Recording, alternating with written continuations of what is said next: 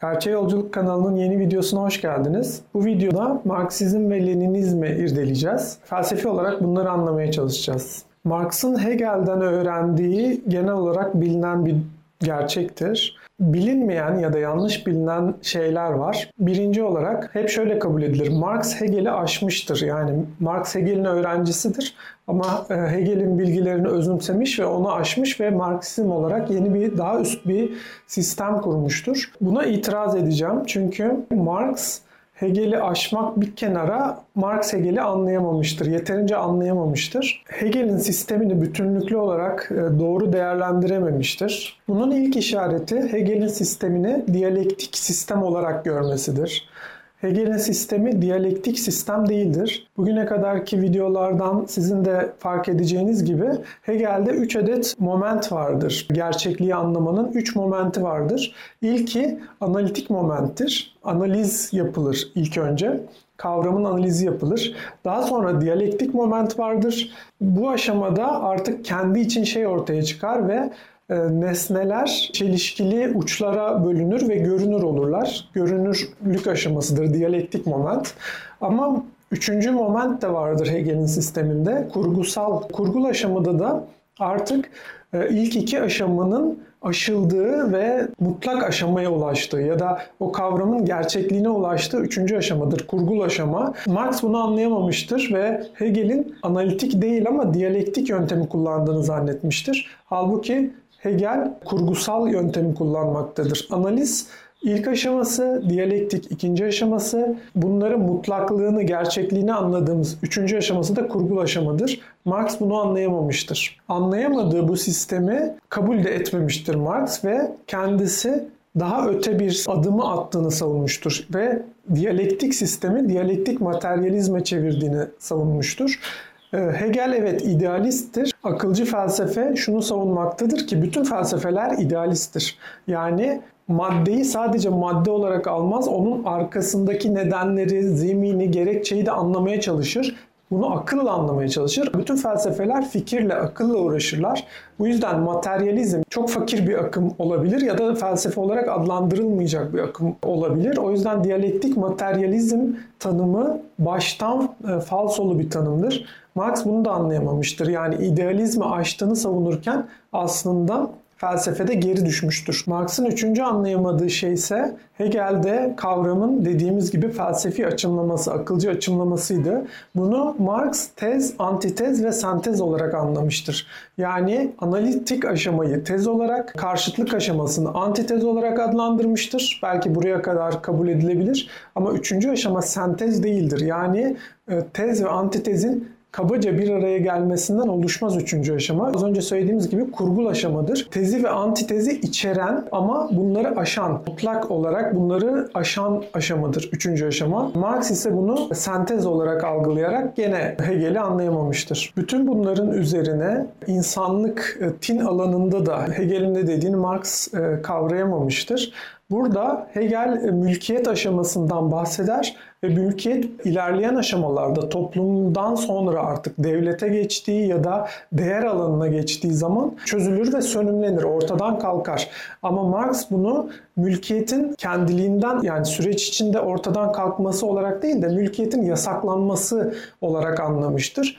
Mülkiyeti yasaklamak gelişimin bir basamağını ortadan kaldırmak anlamına gelir. Bu konuyu daha ayrıntılı olarak e, mülkiyet videomuzda irdeledik. Orada inceleyebilirsiniz. Şu an sadece şunu belirtelim. Marx mülkiyet başlığını da anlayamamış ve mülkiyetin yasaklanması gerektiğini savunmuştur. Oysa mülkiyet sönümlenir. Mülkiyeti yasaklamaya kalkışmaksa insan özgürlüğünü ve insan gelişimini yasaklamak ya da ket vurmak anlamına gelir. Yine başka bir önemli nokta toplum ve devlet aşamalarında insanın bireyselliğinin e, ortadan kalkacağını, o aşamaya gelince ortadan kalkacağını söylemiştir Hegel. Marx gene burada yanlış anlamıştır ve insan bireyselliğini tümüyle bencillik olarak değerlendirmiş ya da küçük burjuva özellik olarak değerlendirmiş. Bunun da yine yatsınması ve yasaklanması gereken bir şey olarak görmüştür. Oysa bu insanın ruhunun gelişinin bir aşamasıdır. Benlik aşaması. Tümüyle yatsınamaz.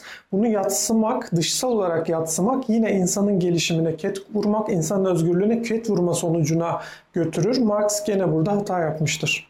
Marksistlerin söylediği meşhur bir söyleyiş vardır. Hegel'in sistemini bir ağaca benzetirsek Hegel'in sistemi tepe taklak duruyordu idealist bir sistem olarak. Marx ise bunu yine kökleri üzerine çevirdiğini iddia ederler tersine çevirerek. Oysa az önceki örneklerde de gördüğümüz gibi Hegel'in sistemi bütünlüklü bir ansiklopedik sistemdir ve bu sistem güçlü bir sistemdir. Ters durduğunu savunmak sistemi bütünlüğünden koparıp ters çevirince doğrulaşabileceğini savunmak çocukça bir görüştür. Marx bu görüşü maalesef benimsemiştir. Sistemi ters çevirerek aslında ağacı doğru hale getirmiyor, öldürmüş oluyor. Yani bir miktar kereste elde etmek uğruna bütün ansiklopedik sistemi öldürmüş oluyor Marx. Tabii ki de bunlar şans eseri olmuyor. Dediğimiz gibi Marx Hegel'in sistemini tahrif ediyor ama bunu yaparken anlayamaması var ve bunun ötesinde o sistemi kendi çıkarları amaçları için kullanmaya çalışması da var. Yani dönemin despotik aydınlanmacı karakterine uygun bir ideoloji ortaya çıkarma amacındaydı Marx.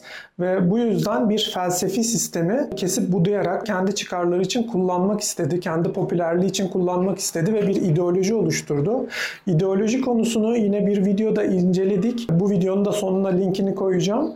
Ee, oradan daha detaylı irdeleyebilirsiniz ama ideoloji, idealizmi ya da felsefeyi ya tercih edilebilecek bir şey değildir. İdeoloji insan özgürlüğünü kısıtlayan, insan gelişimini kısıtlayan ve despotizme e, yakışan bir e, sistemdir. Bu yüzden Marx'ın Hegel'in sistemini çarpıtması dar çıkarları için ve ideolojik çıkarları için yaptığı bir şeydir. Yani masumane bir tercih değildir aslında. Bunun devamında Lenin de e, Marx'ın öğrencisi olarak bu çarpıtmayı uçlarına kadar götürmüştür. Lenin'in tek kayda değer e, felsefi çalışması ampriyokritisizmde idealizme saldırmak uğruna felsefe ayaklar altına alınmaktadır.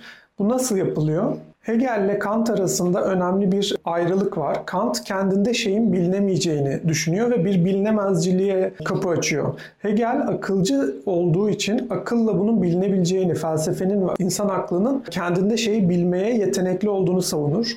Lenin ise bu noktayı basitleştiriyor, indirgiyor. Şöyle ki kendinde şey sadece görünen şeydir diyor. Aslında kendinde şey bilinebilir öğretisini kendinde şey yoktur sadece şey göründüğü kadardıra çekerek e, felsefi bir indirgemecilikle yola çıkıyor. Zaten bahsi geçen eserinde de Lenin her zaman yaptığı gibi felsefeyi kafa karışıklığı, eylem kaçkınlığı, e, boş zevzeklik, boş konuşma, hatta polis ajanlığı şeklinde değerlendirmekten de çekinmemektedir. Yani Marx'ın başlattığı o felsefeyi kendi çıkarları için kullanma akımı e, Lenin'de artık bir felsefe düşmanlığına dönüşüyor ve kendi politik çıkarları için, ideolojik çıkarları için felsefeyi kötülemeyi ve e, insanın aslında ideolojiye boyun eğmekten başka çare bulamamasını sağlamaya çalışıyor Lenin. Zaten devamında da Marksizm, Leninizm Stalin aşamasına geçtiğinde de artık e, bütün inceliklerinden, bütün e, özgürlükçülüğünden, akılcılığından vazgeçerek tam bir despotizme dönüşüyor. Baştan beri e, Marx'ın o proletarya diktatörlüğünde ifadesini bulan, sonra Lenin de felsefe düşmanlığı ve ideolojik körleşme empoze edilmesiyle devam eden akım Stalin'de tam bir despotizme, diktatörlüğe dönüşüyor ve o çıktığı yolu tamamlamış oluyor. Hegel'in yaramaz bir öğrencisi olan Marx kendi çıkarları için Hegel'in felsefi sistemini bir ideolojiye indirgedi. Daha sonrasında da Lenin ve e, devamında Stalin çizgisiyle bu bir akıl düşmanlığı, özgürlük düşmanlığı ve despotizme dönüştü. İdealizmi ve akılcılığı yatsımakla başlayan yol en sonunda da parti ne derse o olur ve insan ancak hani sosyalist devletin, sosyalist diktatörlüğün bir kulu olması aşamasına doğru evrildi ve burada son buldu. Dediğimiz gibi Hegel'in sistemi bütünlüklü bir ansiklopedik sistemdir, felsefi sistemdir ve ideoloji gibi aklı ve özgürlüğü yatsımaz.